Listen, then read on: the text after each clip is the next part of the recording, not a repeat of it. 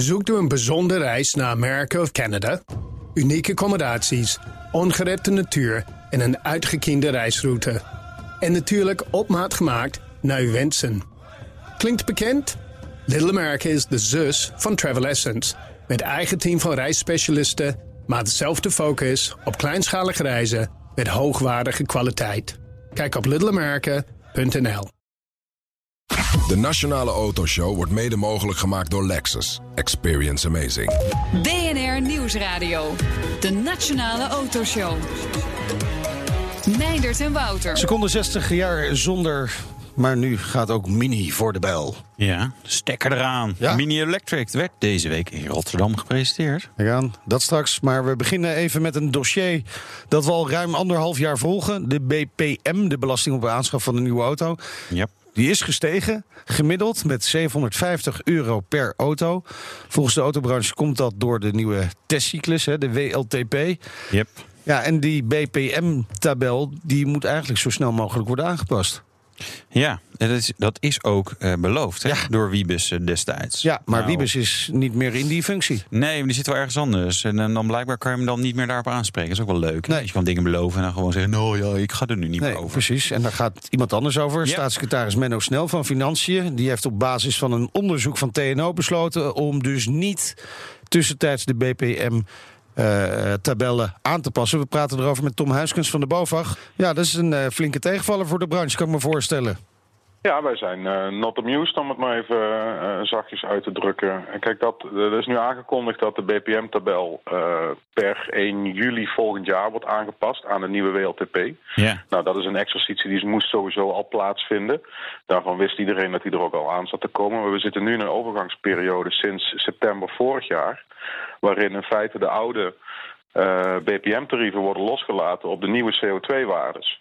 Ehm, en daarmee krijg je dus dat eh, per auto, een identieke auto van eh, voor 1 september 2018 en eentje van daarna, dat er ineens eh, hele grote verschillen in zitten. Jullie hadden het net over 750 euro. Nou, het is 800 euro gemiddeld voor een benzineauto en meer dan 2000 euro voor een dieselauto. Tel uit je winst. Ja, en die diesels die zijn eigenlijk feitelijk natuurlijk CO2 gezien hartstikke schoon. Maar eh, ja, dat, dat, dat zijn wel forse verschillen. Ehm, waarom, waarom vind je die, die beslissing fout van de staatssecretaris? Dat, dat, het- ja, dat het allemaal zo traag gaat? Nou, dit is iets wat we natuurlijk van mijlenver al zagen aankomen. Waar we Yep. ook al samen met de rijvereniging eh, heel lang voor gewaarschuwd eh, hebben. We hebben heel lang aangedrongen op een eh, tussentijdse correctie van die BPM-tarieven. Dus zolang je nog ehm, eh, gebruik gaat maken van die oude BPM-tarieven eh, met het nieuwe CO2-regime, dan weet je dat er meer inkomsten zijn. En Wiebes inderdaad heeft destijds gezegd als staatssecretaris dat hier eh, het publiek niet te dupe van mocht worden. En we zien juist het tegenovergestelde gebeuren. We hebben in, eh, over de eerste vijf maanden hebben we al gezien dat er meer BPM-opbrengst is voor de staatskas, terwijl er ruim 10% minder auto's zijn verkocht. En mind you, eh, ook nog eens eh, minder diesels zijn verkocht, waar nog een extra toeslag op wordt eh, geheven. Ja. En dat is vrijwel volledig gecompenseerd Ja. door BPM-vrije Ja. elektrische auto's. Ja, maar, Dus, maar de staatssecretaris zegt ook, Tom, er, er zijn gewoon ook grotere auto's gekocht. Hè? De, de SUV's, ja, logisch dat daar de BPM wat hoger op is. Nou, we zien nog steeds in, de, in het ranglijstje van de best verkochte auto's over het eerste half jaar zien we nog steeds de Volkswagen Polo bovenaan staan. De Kia Picanto staat erin. En op nummer drie staat zelfs een volledig elektrisch model. Dus dat argument is onzin? 3. Nou, wij zien, wij zien in, de, in de cijfers eh, die wij eh, eh, hanteren, zien wij gewoon bijvoorbeeld voor een Kia Picanto 1.0 eh, met maar liefst 67 pk, dat die voor 1 september, in vergelijking met na 1 september, dat er gewoon nu meer dan 1000 euro meer BPM moet Nee, worden ja, afgedragen ja, voor zo'n autootje. Ja, en dit is geen, eh, dit is natuurlijk hartstikke zuinige, hele schone, hè, beetje fijne auto om gewoon hè, lekker eh, de- als, als eerste auto of als tweede autootje in het gezin eh, zeg maar te hebben. Nou, bijvoorbeeld. ja, en, en, ja, en hiervan kan je natuurlijk never nooit zeggen, nou, diezelfde pika, hè, het is geen, hij is niet meer pk's heeft hij gekregen, want dat is precies hetzelfde. Nee. Hij, is, hij is niet een grote SUV geworden, precies hetzelfde en wel gewoon 1000 euro duurder. Dus Ja, inderdaad. En die, die, die gevolgen die, eh, die zien we nu dus. We zien ook dat in het eerste half jaar eh, vooral de particuliere koper is eh, afgehaakt. De tientallen procent is dat segment eh, ingestort ten opzichte van het eerste half jaar vorig jaar. Ja, dan kun je niet ontkennen dat het gewoon iets te maken heeft met die Nee. prijsstijgingen door die hogere BPM. En we zijn dan ook zeer ontstemd dat de staatssecretaris nu weigert om daar tussentijdse maatregelen op te nemen. Want wat hij nu heeft aangekondigd voor over een jaar. Ja goed, dat wist iedereen dat dat er al lang en breed zat aan te komen. Of dat nou 1 juli 2020 of 1 januari 2021 zou worden, dat zat er gewoon aan te komen. Maar het gaat over die periode nu. Ja, dat is nog een jaar. Ehm, jullie hebben aangekondigd om een contra-expertise te gaan doen, toch? Wat, wat, wat gaan jullie doen? Ja, wij hebben, eh, wij hebben KPMG in de arm genomen om eh, de cijfers van TNO eh, ook te gaan vergelijken met de cijfers van JATO. Hè. Die hebben jullie ook wel eens vaker in de uitzending gehad. Ja. Dat is een, een Europees opererend instituut. Eh, die ook inzichtelijk maken wat die CO2-verschillen dan precies zijn per eh, model. Daar hebben wij ook al vaker gebruik van gemaakt en dat hebben we ook al vaker gepubliceerd.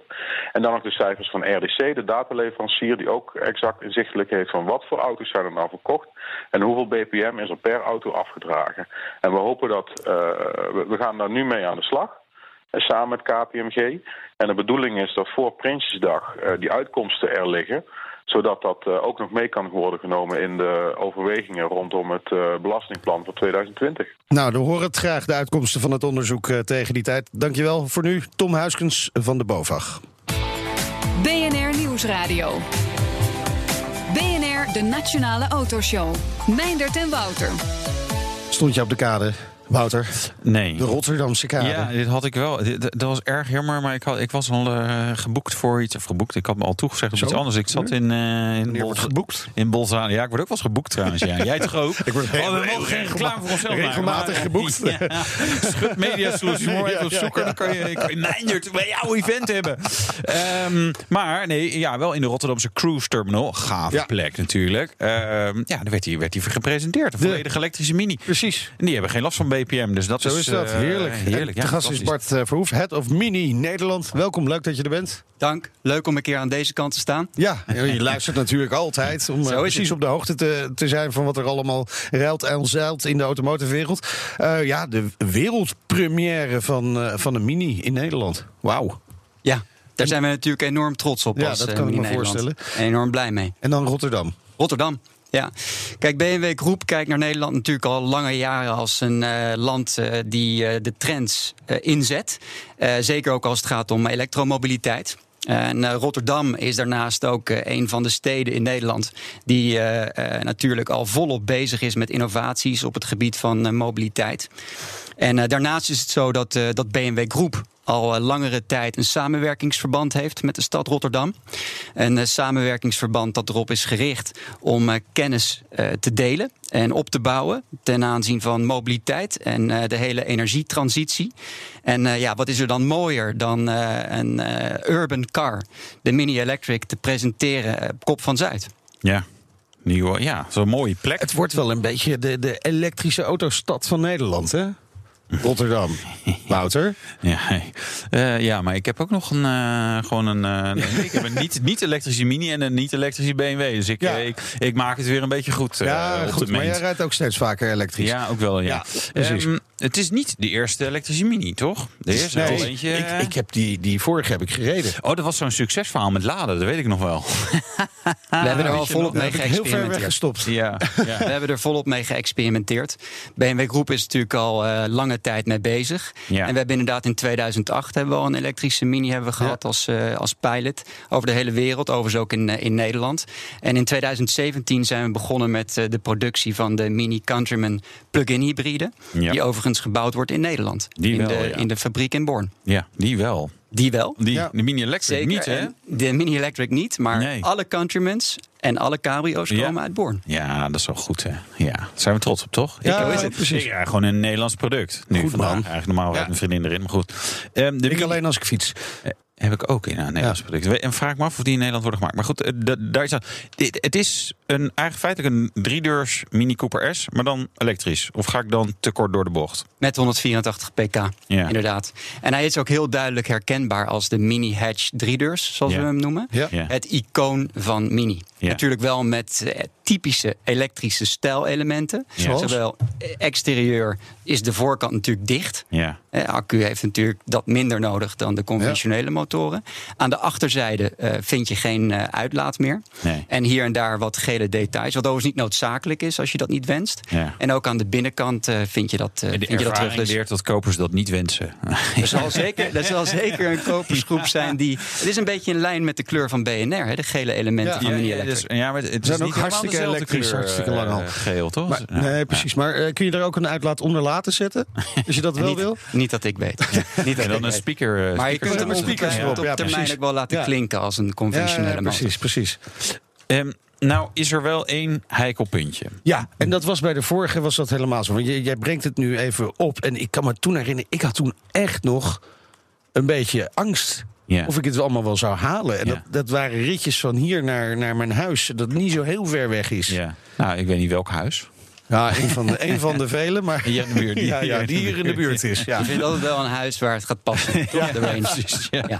Nee, want de, de actieradius eh, en WLTP, dus dat is, dat is ook nog een theoretische, 232 kilometer. En toen ik dat zag, dacht ik, nou ja, dat is niet zoveel. Nou, wij zijn van mening dat die, dat die actieradius perfect past bij dit product. Ja, ja, ja, ja, ja, ja. Ik zou jullie Hadden ook- het niet anders verwacht. Ik Ja. zou jullie ook vertellen waarom. Ja. Dat is namelijk een drietal redenen. Ja. In de eerste plaats, accu onder de auto. Lichte Ja. accu. Blijft dus ook altijd nog een lichtgewicht auto. Ja. En de Mini Electric rijdt nog altijd zoals je van een Mini gewend bent. Ja. Daarnaast is het zo, de accu is onder de auto geplaatst... waardoor je dus nog steeds de ruimte hebt... die je normaal gesproken in een Mini 3-deurs ook hebt. Ja.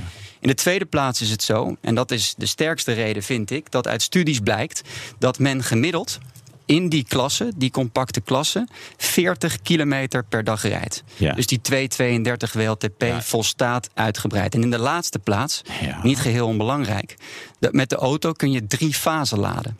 Wat inhoudt dat je binnen 35 minuten 80% van de accu al hebt gevuld. Ja.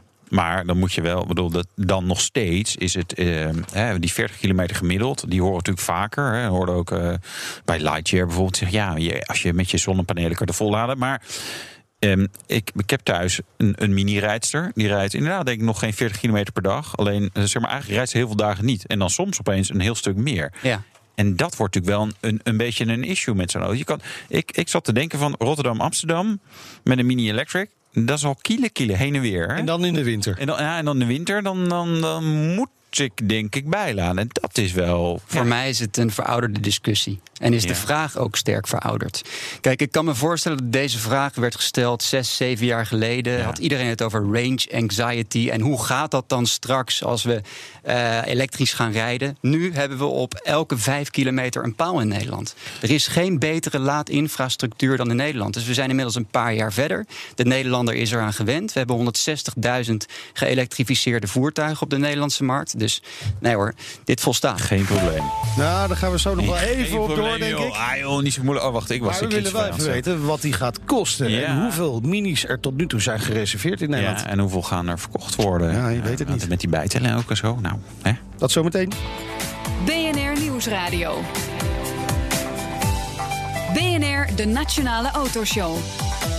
De Autoblog nieuwsfeed van deze week, Wouter. Ja, ja, ja, Ja, ja. Van deze week, niet van vorige week. We gaan gewoon weer lekker het nieuws behandelen. Leaseauto's. Ja, Bij de- die- i- iedereen wil er vanaf. Wil vanaf. als je er een besteld had. Ja, die elektrische auto's. Je hebt natuurlijk hè, de bijtelling dreigt omhoog te gaan volgend jaar naar 8% eh, voor, voor de volledig elektrische auto's. Dat was 4% tot 50.000 euro. Maar laten we het niet al te ingewikkeld maken, dit verhaal.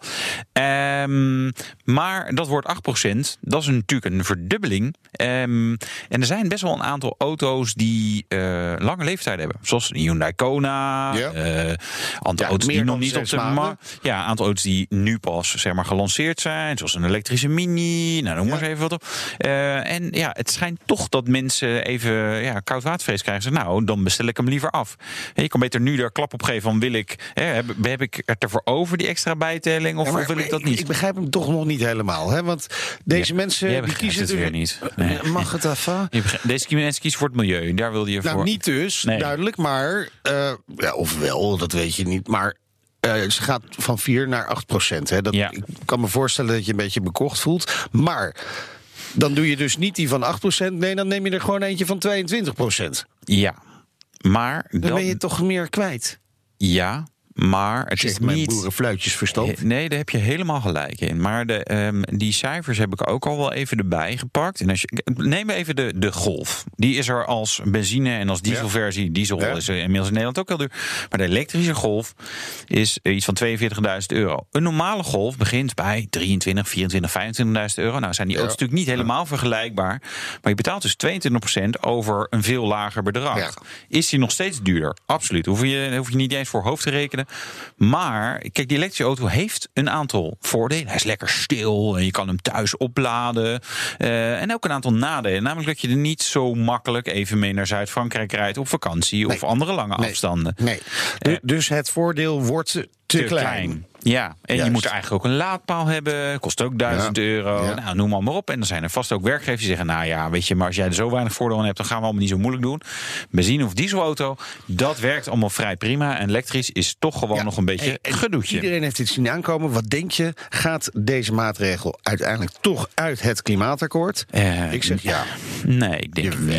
niet. Nee, overheid, kijk... Ze gaan het verder vooruitschuiven. Ja, nou, maar de, ze hebben het eigenlijk voor, hè, ze hebben Naar voren, naar voren geschoven. Ja, ja, ja, dus, maar ze dus- gaan het weer naar achter verschuiven. maar weet je, dat hele klimaatakkoord gaat uiteindelijk alleen maar over geld. En dit, ze willen gewoon meer geld Ja. binnenhalen. Nou ja, eh, wel fijn dat de elektrische auto's steeds populairder worden op de tweedehandsmarkt. Ja. Een verdubbeling in de eerste helft van het jaar. nou, ja. nou, nou, nou, hè, naar 4500. Zo.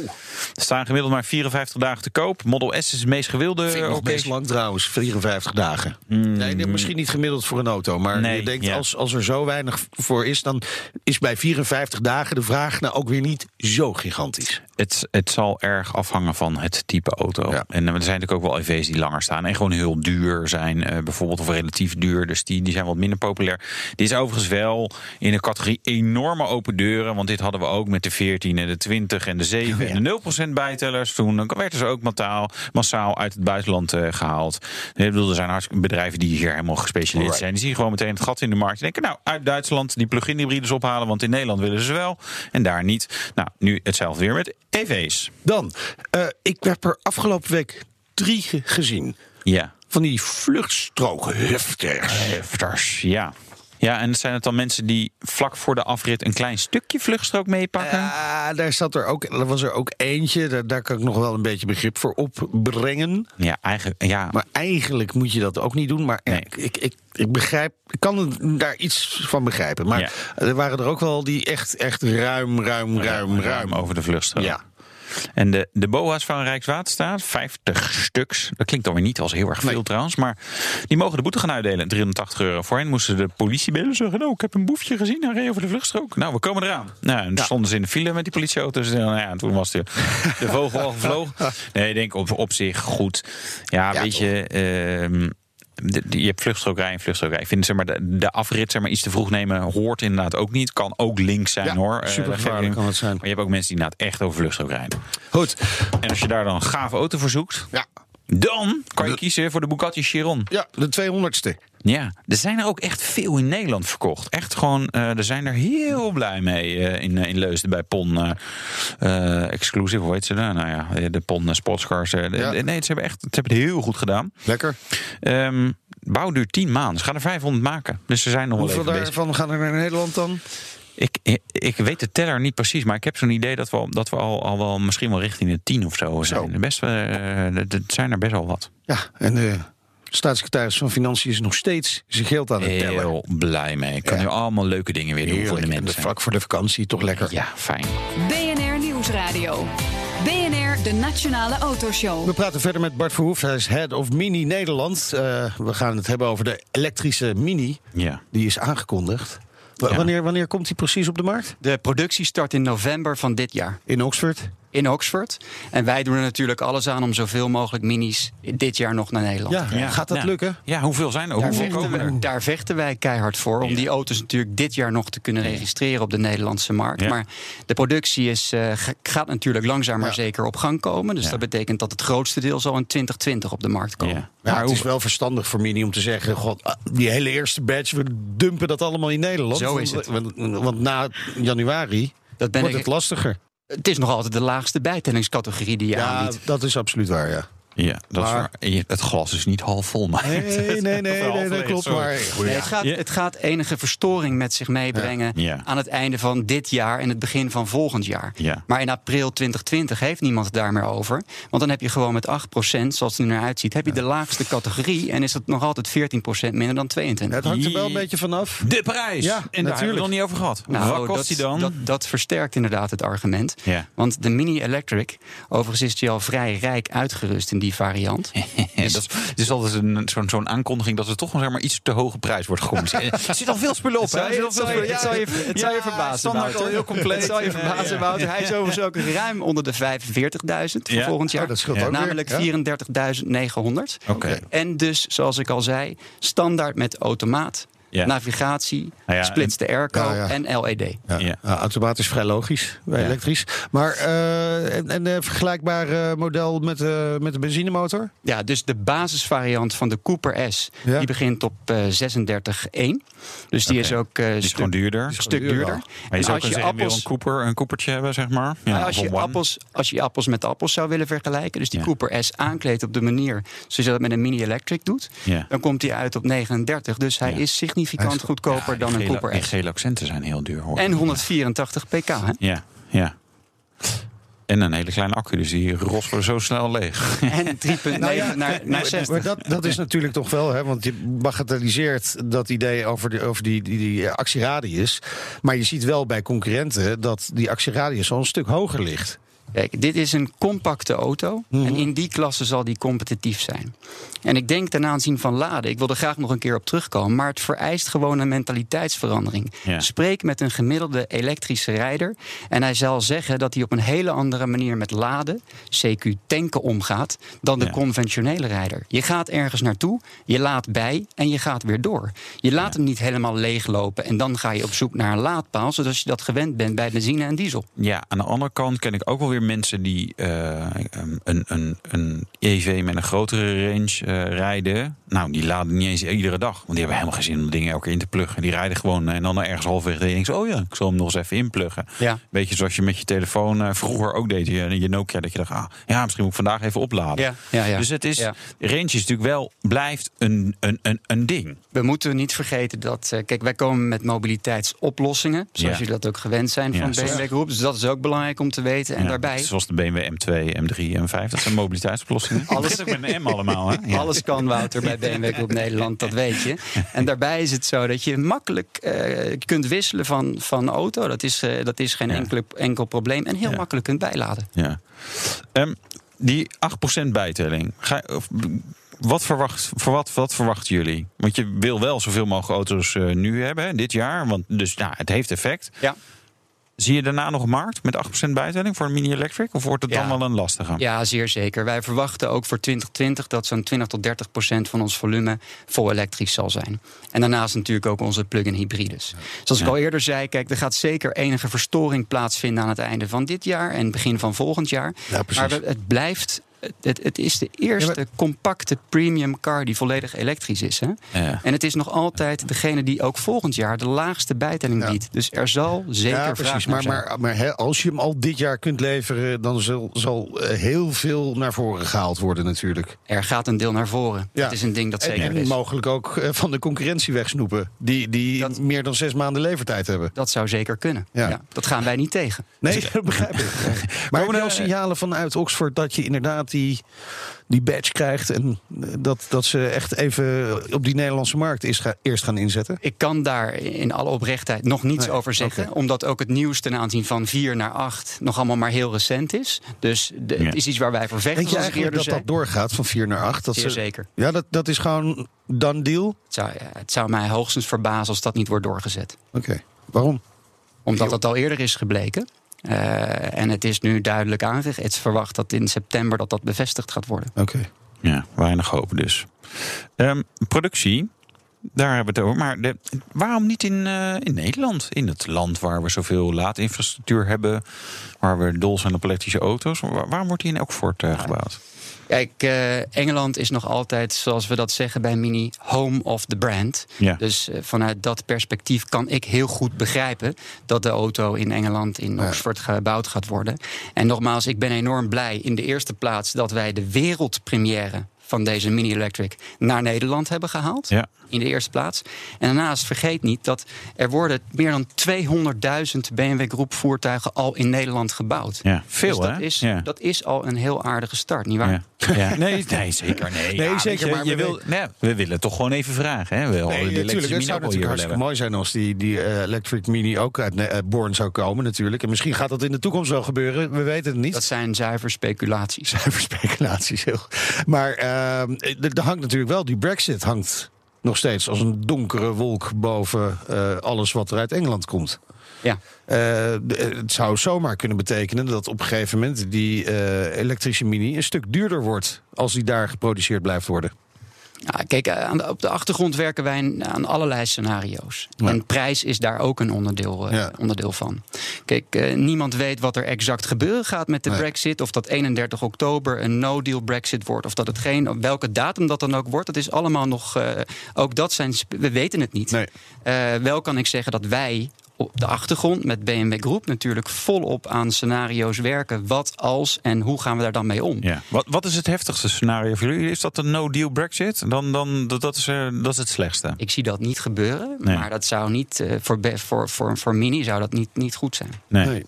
Zeker omdat. In de breedste zin. Omdat het natuurlijk, zeker hier in Nederland, hartstikke goed gaat met Mini. Nou, dankjewel, Meindert. Nou ja, maar ik zat even. Ja. Nee, ja, maar, maar, dat, nee, maar dat zou wel, nieuws. Ja, nee, maar de afgelopen vijf jaar uh, verkoop van Mini gewoon verdubbeld in ons land. Ja, we zijn daar erg trots op. En uh, ik denk dat onder andere de productie van Mini in Nederland daar een rol speelt. Uh, wat onder andere ook belangrijk is, is het feit dat wij sterke business partners, CQ dealers hebben in het land. We hebben recentelijk hebben we weer een uh, dedicated Mini service en sales outlet, zoals we dat noemen. Met andere woorden, echt een groot dealership geopend in in Breukelen. Ja. Er is een nieuw dealership geopend in Noord-Holland, in Hoorn. Dat betekent dat we nu 28 vestigingen hebben en dat er nog een tweetal aan zit te komen in het ja. komend jaar. Dat, dat is wel een beetje tegen de stroom nou, in uh, zwemmen. Hè? Want bij de andere van minder, de minder hè, zeg maar, showrooms. Want ja, dat, Kijk, dat... de hele, in, zoals wij dat noemen, de hele customer journey moet kloppen. Van het begin dus op het ja. moment dat men online zich gaat oriënteren, tot het moment dat de prospect of de bestaande klant bij de auto komt. En wij vinden dat het geheel in balans moet zijn. Het laatste wat wij willen is dat de ondernemer alleen maar investeert in stenen. Wij Ja. vinden dat het goed in balans moet zijn. Maar met een aantal van inmiddels bijna 8000 auto's, betekent het dat je wel een goede dekking en spreiding Ja. moet hebben van een netwerk over het land. Oké, dus dat is belangrijk. Daar gaan jullie mee door. Eh, it- zit die groei er ook gewoon de rest van het jaar nog in? Hè? Als we naar de totale markt kijken, min 10 procent. Dat is natuurlijk verschrikkelijk. Eh, stromen jullie, of, eh, gaan jullie daar ook tegen de stroom in? Dat is het geval. Ja, wij Oké. plussen ten opzichte van vorig jaar. Ja. En vorig jaar, ja, we zijn in vijf jaar verdubbeld. Ja. Eh, en we hebben ook zeker het, eh, het voornemen. En de signalen zijn erg goed. Zeker als die ook- elektrische mini ook nog komt. Juist, op tijd. dan gaat, dan gaat dat zeker helpen. Maar ook zonder registraties van de elektrische Mini dit jaar gaan wij Want plussen hoeveel, hoeveel registraties hebben jullie al van die elektrische mini? Hoeveel eh, reserveringen? Oh, reserveringen. Nou ja. Nou, kijk, wij splitsen dat aan de ene kant in mensen die hun hand hebben opgestoken en Ja. hebben gezegd: hou mij maar op de hoogte. Ja. En we kijken naar mensen die daadwerkelijk aanbetaald hebben. Mensen die aanbetaald hebben, ook voor het evenement. Voordat men wist wat de prijs was, wat de basisuitrusting was, wat de range was, et cetera. En daar zien we ook de laatste dagen zien we daar weer een enorme knik in zowel, zoals we het noemen, Ja. handraisers. Ja, Dus mensen ja, die ja. hun hand Ja. opsteken. En ook de pre-orders. En hoeveel pre-orders zijn er? Het zijn er nu zo'n bijna vijf- 150. 150. Ja. Oké, en waar wil je uiteindelijk naartoe eh, eind dit jaar? eh, waar moet de steller staan? Nou, dat hebben we nog niet Ah, concreet gesteld. Maar het zal, eh, met drie, het zal drie cijfers zijn, maar dan wel hoog. Hoog, ergens onder de 1000. Net onder de du- 999. Zoiets, ja. 666. Ja, zo. Kan ook. Ja, mooie getallen. Ja. Wa- Waardoor is die groei tot nu toe ontstaan? Waar, waar, waar zit dit eh, nou in? Zeg Ja. maar voor Mini? Ja, kijk, uh, Mini stond lange tijd natuurlijk bekend als het uh, merk wat vrij klein was, wat uh, nou, goed moeilijk in functionaliteit was, om het zo te zeggen. en daar heeft het merk natuurlijk in de laatste jaren enorme stappen gemaakt. Ja. We hebben naast de kleinere minis, de 3-deurs, 5-deurs hatch en de cabrio, hebben we ook de Clubman. En hebben we ook de Countryman. Dus het feit dat dat portfolio zich heeft uitgebreid, dat heeft daar zeker bij geholpen. Ik noemde eerder al onze businesspartner, die enorme focus hebben op het merk, investeren in panden, in mensen, in online. En niet in de laatste plaats het feit dat Mini ook in Nederland wordt gebouwd. Ja. En stiekem toch ook een beetje als Nederlands wordt beschouwd. We hebben vorig jaar hebben wij in de zomer hebben we een zogenaamde Countryman Dutchmade campagne gehad. Daarmee dus het linkje met het feit dat elke Countryman in Nederland wordt gebouwd.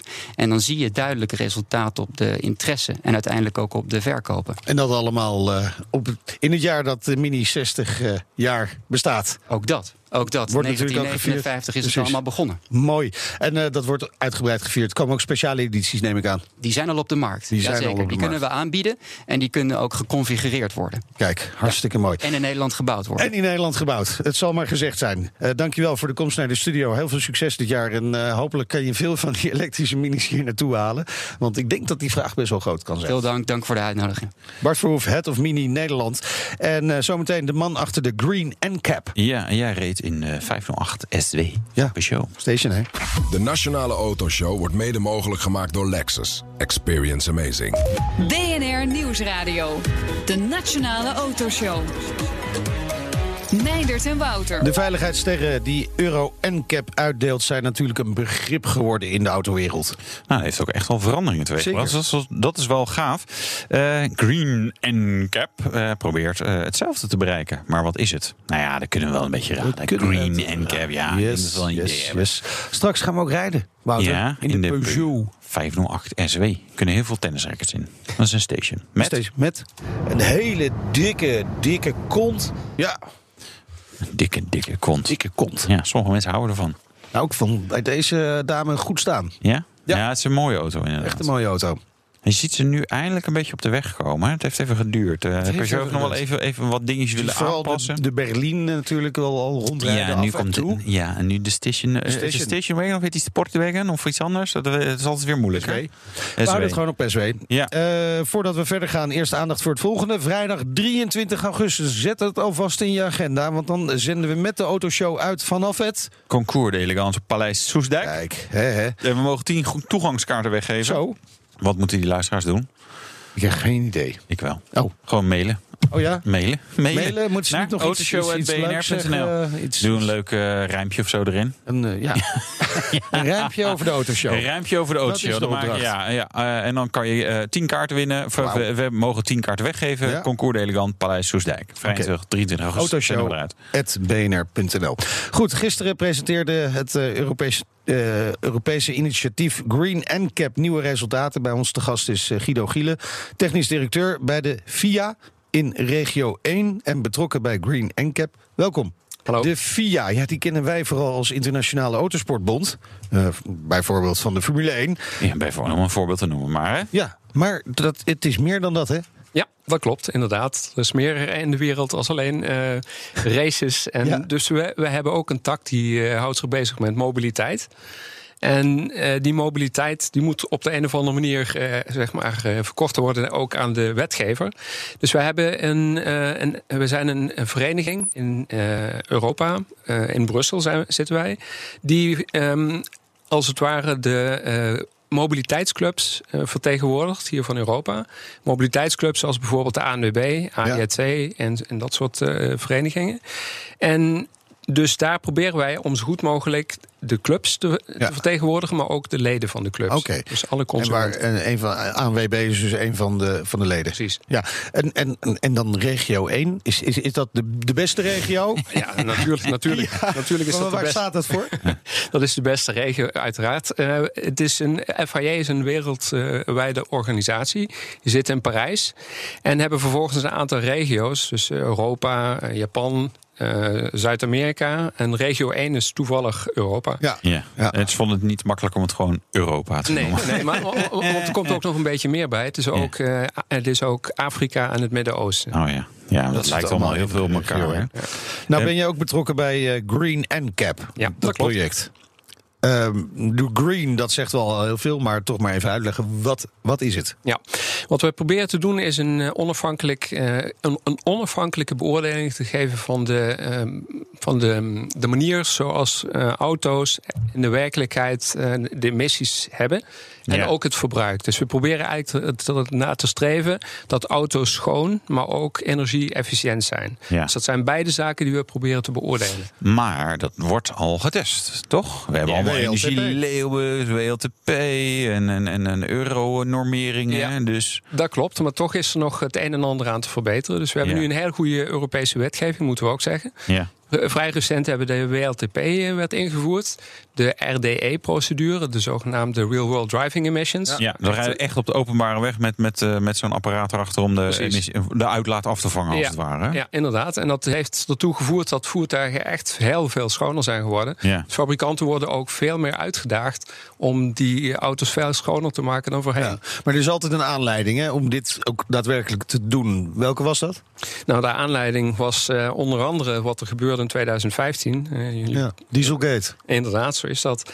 Dus eh, dat was een behoorlijke schok voor iedereen. Eh, misschien was het iets minder een schok voor mensen die ook in dat, eh, daarin werkten. Ja. Maar vervolgens moest er toch iets gebeuren. En eh, er, was eigenlijk al, er waren al een hele hoop ontwikkelingen aan, aan de gang. Dus die WLTP, dat eh, speelt eigenlijk al sinds 2007.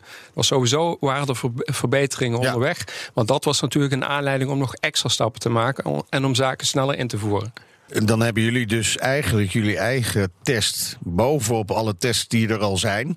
Eh, Hoe, in hoeverre gaan jullie dan ook. Want uiteindelijk is de bedoeling dat je, dat je verschillende producten gewoon met elkaar kunt vergelijken. Precies. Ja. Dus eh, of nou een elektrische auto, een, een dieselauto, een benzineauto, een auto op gas is, dat, of, of waterstof, dat je daar echt een vergelijking tussen kunt maken. Ja, dat klopt. En de manier waarop we dat doen is wij ehm, zetten alle eh, brandstoffen om in energie. Dus de, de, de, de, um, de, het vergelijk eigenlijk wordt gebaseerd op energie. Dus als je bijvoorbeeld een benzinetank hebt, die kun je, dat kun je, kun je omrekenen in Ja. energie. En dan kun je dat ook direct vergelijken met een elektrische auto. Ja. Je kan eh, de diesel ook in een dieselgenerator gooien en dan heb je elektriciteit. Volgens werkt het niet helemaal zo.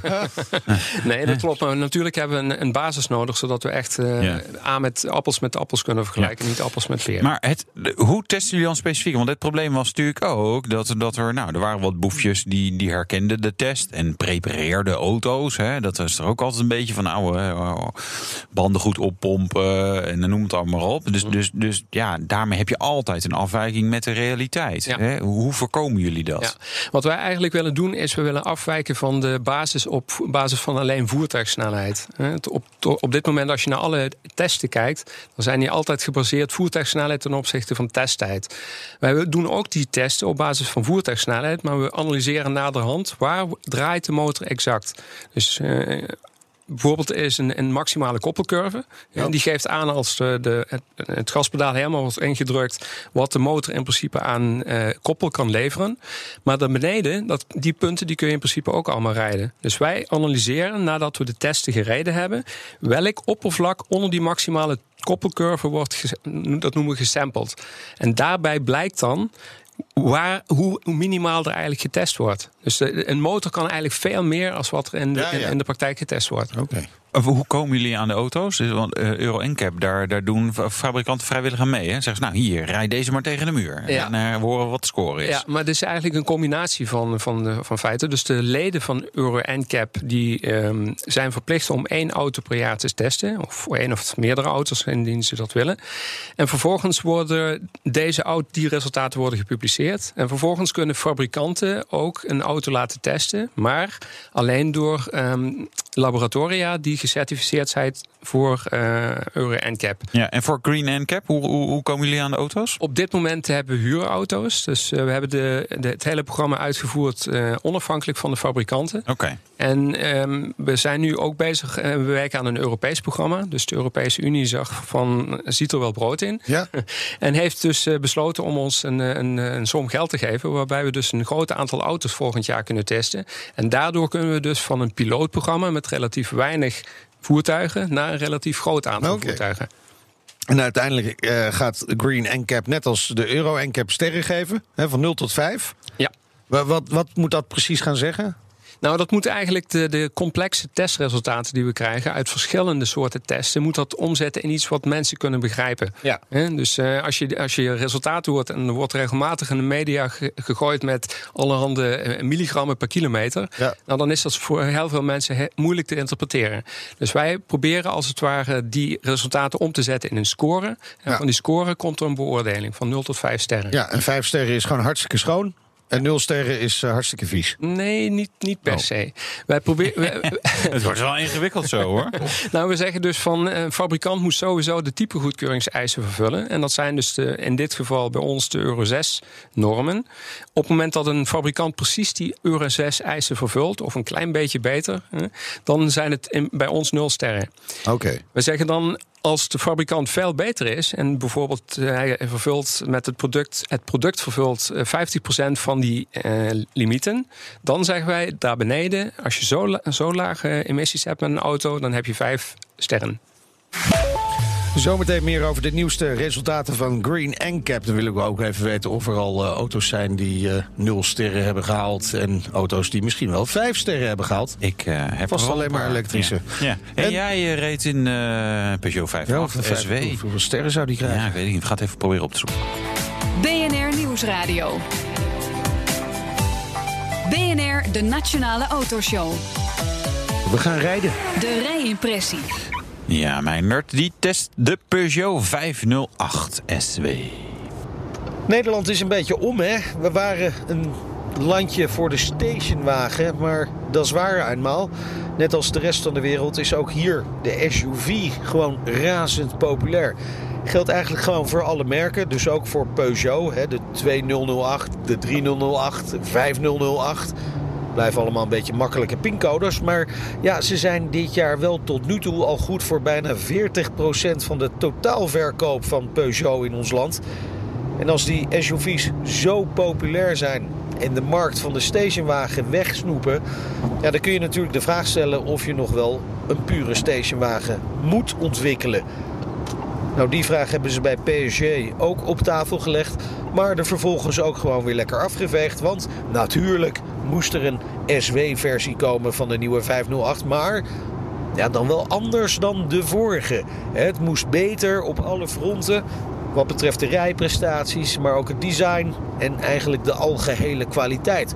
Kortom, Peugeot wil meer richting premium. Oei, hou nu je hart maar vast, want dat hebben we Franse autobouwers vaker horen zeggen. En nou ja, dat kun je zelf wel invullen. Nou gaat de 508 SW wat betreft design eigenlijk gewoon verder waar de 508 Berlin, de sedan, is gestopt. Kan zijn dat je die nog niet heel vaak hebt zien rijden, want de sedan is nou eenmaal nog altijd niet zo populair in Nederland. Voorkant, nou ja, die is eigenlijk gewoon identiek, hè, met die relatief kleine grill, stoer kijkende koplampen, een soort slagtanden voor de LED-dagrijverlichting en knipperlichten. Ja, de zij- en achterkant zijn natuurlijk wel een ander verhaal. Hè? Als je een, eh, een stationwagen een premium uitstraling wil geven, dan kom je eigenlijk heel gemakkelijk bij een shooting brake uit. Nou, dat is de 508 niet.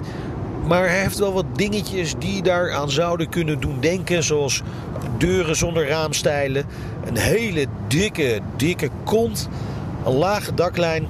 En ja, natuurlijk ook nog zo'n kleine, kleine achteruit waardoor je heel weinig kunt zien. Nou, maakt de auto wel iets minder praktisch allemaal dan zijn voorganger.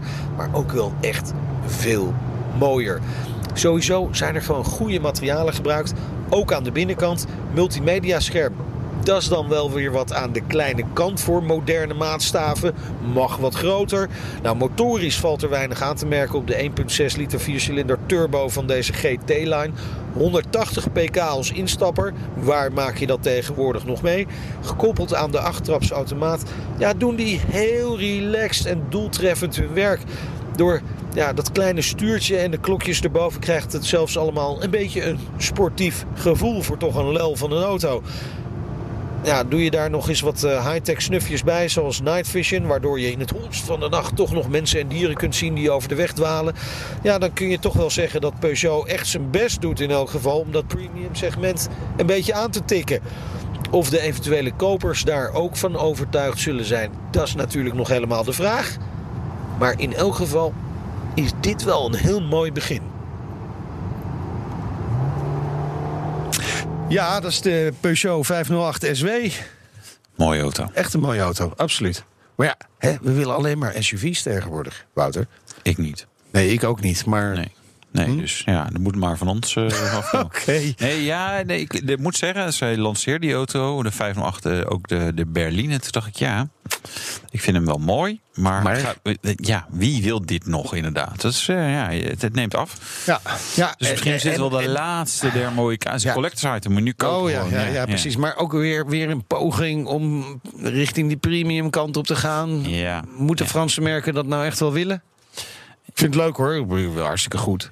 Ja, weet je, ja, ja, ja, dat blijft een lastige discussie. Want uite- uiteindelijk willen mensen dat wel. En natuurlijk zeg maar de, de, de, de non of de premiums die, die, hè, die, die klauwen zeg maar, naar beneden het marktaandeel ervan af. En van onder worden ze weer opgegeten door de, zeg maar, de budgetmerken.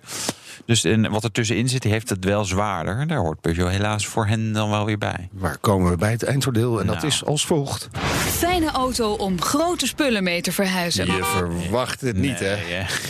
Met een Was echt station. groot, die eh, kofferbak? Nou, het is wel wat kleiner dan de, de vorige. Ja.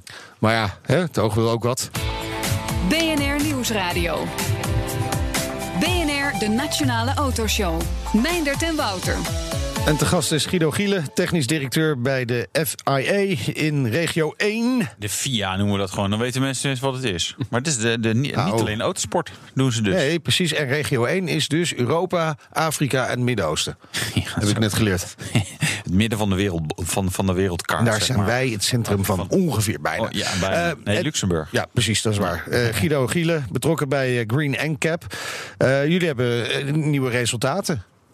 Ja, dat klopt. We Welke hebben, auto's zijn er getest? we hebben vijf nieuwe resultaten die we kunnen presenteren. De Nissan Leaf, een, eh, elektrische voertuig, een elektrisch voertuig. Ja. Eh, Een Mercedes C220D diesel. Dieseltje, ja. Ook een andere diesel, een eh, Renault Scenic.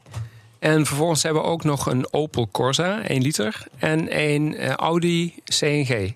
En de belangrijkste conclusies. Nou, wat we tot de conclusie die we gekomen zijn, is dat de dieselmotoren toch heel, heel erg schoon zijn geworden. Dus die eisen die er eigenlijk recent aan gesteld werden om in, Ja. in, de, wereld, in de echte wereld de metingen te doen, die hebben resultaat gehad en Ja. fabrikanten hebben gereageerd. En jullie weten zeker dat dat niet met een software dingetje geregeld is? Nou, dit keer, of in, in elk geval, wij proberen een zo breed mogelijk gamma aan verschillende testen te, te doen. Ja. En daar eh, niet alleen maar in het laboratorium. hè, dat heb je nog altijd nodig om A met B te kunnen vergelijken. Maar ook in de, in de echte wereld. Ja. En ver- vervolgens kijken we onder verschillende de- bedrijfstoestanden. We kijken bijvoorbeeld in sportmode, in eco-mode enzovoort. Dus Ja. eh, we, proberen het zo breed mogelijk te beoordelen. En nou was die Mercedes diesel was dus verrassend schoon eigenlijk. Ja. Hoe schoon is schoon dan in dat Nou, geval? Nou, schoon. Ik heb, eh, geloof ik, ik heb heel wat emissieresultaten gezien in mijn leven, maar zulke resultaten heb ik zelden gezien. Ja. Echt elke ehm, eh, vervuilende stof was heel erg minimaal. Koolwaterstoffen, CO, NOx, de partikel, de, de, de, de- het roet. Ja. Het, was echt, het is echt heel erg eh, goed. En nou, dat willen we gewoon ook eens een keer melden. Ja. Want de laatste jaren zijn er gewoon heel veel slechte berichten over dieselmotoren in de, in de wereld gezet. En op het moment dat er eens een keer echt iets gebeurt, en dat is schijnbaar het geval, Ja. vinden wij dat we dat ook moeten melden. Ja. Maar een, een elektrische auto verslaat natuurlijk altijd een, een, een diesel of een benzine. In ieder geval op, op, op, op dat soort uitstoot. Want dit, die heeft hij niet. Nee, dat klopt. Maar op dit moment beoordelen wij, beoordelen wij nog op het zogenaamde tank-to-wheel. Dus dat betekent van de, de, de energie die er uh, gaat van, van de tank tot aan de wielen. Ja. Maar op het moment dat we gaan beoordelen van well-to-wheel, dus van de, van de bron waar uh, de brandstof wordt genomen over de hele lijn tot aan de tank en Ja. tot aan de wielen, dan gaan de zaken er misschien anders over, uh, uitzien. Vervol- dat is één stap. En In, in het nadeel van de elektrische auto. ja, dat kan zijn Ja, ja. dat, het, eh, dat de. De, elektrische voertuigen daarom minder goed presteren. Ja, maar dat hangt wel heel erg af inderdaad van eh, hoe die elektriciteit is opgewekt. Correct. Natuurlijk. Of dat met een windmolen gebeurt of in een kolencentrale. Ja, en dat is ook voor ons een hele grote uitdaging, omdat we een Europees programma zijn. Dus dat betekent dat we met al die verschillende stroommixen rekening moeten houden. Als je nou bijvoorbeeld vergelijkt tussen Frankrijk en Duitsland. hè, en eh, iemand die in Luxemburg woont, die wil graag een auto kopen in eh, Duitsland of in Frankrijk. Die vergelijkt de prijzen, kijkt wat, Ja. eh, wat de prestaties zijn. En op het moment dat wij met een, eh, met een beoordeling uitkomen, en die is heel erg verschillend, omdat dat gedeelte waarbij de energie wordt geproduceerd veel meer vervuilend is of, of relatief weinig vervuilend. En nou, zover je nucleaire Ja. energie niet, niet vervuilend kan noemen. Nee, precies. Ja. dan, Ja, ja. dan zullen mensen verward raken. Dus wij moeten een methode zien te vinden die voor iedereen in Europa geldig is. En gaat dat lukken? Dat, eh, daar werken wij hard aan. Ja. Ja, dat, is- dat is geen antwoord op de vraag. Nou, zoals gezegd, het is een hele moeilijke opgave. En Ja. dat, dat, eh, er wordt behoorlijk, eh, moet er wat eh, brainpower in. Dus wij hebben verschillende experts die dat erin kijken. TNO bijvoorbeeld Ja. hier Oké. werkt eraan. En we hopen dus aan het einde van het jaar werkelijk met, een, Ja. met zo'n Oké, want dat is natuurlijk het punt. De achterkant is ontzettend ingewikkeld. Maar aan de voorkant voor de consument wil je het zo simpel mogelijk maken. Ja, ja, correct. Want anders gaan de consumenten ook niet daar naar kijken. Ja, en dat is inderdaad wat we willen. Wat we willen dat consumenten dat, eh, de, de webpagina consulteren. Kijken naar, daarna wat zijn in principe de werkelijke emissies, de, wer- eh, wat is het werkelijke verbruik. En vervolgens daardoor ook eh, geeft ons dat een hefboom. En hopelijk reageren fabrikanten erop. We zijn heel benieuwd eh, of het allemaal gaat lukken. En, en eh, dat wij inderdaad binnenkort overal bij alle auto's kunnen zien hoeveel sterren hij volgens de Green NCAP gaat krijgen. Dank voor de komst naar de studio. Guido Giele, technisch directeur bij de FIA, Via de FIA in regio. één, dat Goed is zo. Europa. En een beetje andere landen. En hij was betrokken bij de Green NCAP. Nog altijd is hij Ja. daarbij betrokken. Dit was de laatste Nationale Autoshow van dit seizoen. Ja, we komen Voor de terug, hè? zomerstop. We Ja, komen precies. terug. En in deze zomer kan je best of afleveringen luisteren. Of je Zo, die waren goed, jongen. nou, Ik ga ook luisteren, hoor. eh, Ja. luisteren. 23 augustus zijn we er weer. In ieder geval de show er weer. Eh, met een uitzending vanaf Concours de Elegance op eh, Paleis. En je kunt kaarten winnen. Ja, Dan moet je een rijmpje sturen. Ja, naar- Met daar de autoshow in. Naar. B- autoshow.bnr.nl. Mijn naam is Meijner Schut. En jij was. Wouter Karsen. Hey, fijne zomer. Fijne zomer. De Nationale Autoshow wordt mede mogelijk gemaakt door Lexus. Experience amazing. Zoekt u een bijzondere reis naar Amerika of Canada? Unieke accommodaties, ongerepte natuur en een uitgekiende reisroute. En natuurlijk op maat gemaakt naar uw wensen. Klinkt bekend? Little America is de zus van Travel Essence. Met eigen team van reisspecialisten, maar dezelfde focus op kleinschalige reizen met hoogwaardige kwaliteit. Kijk op littleamerica.nl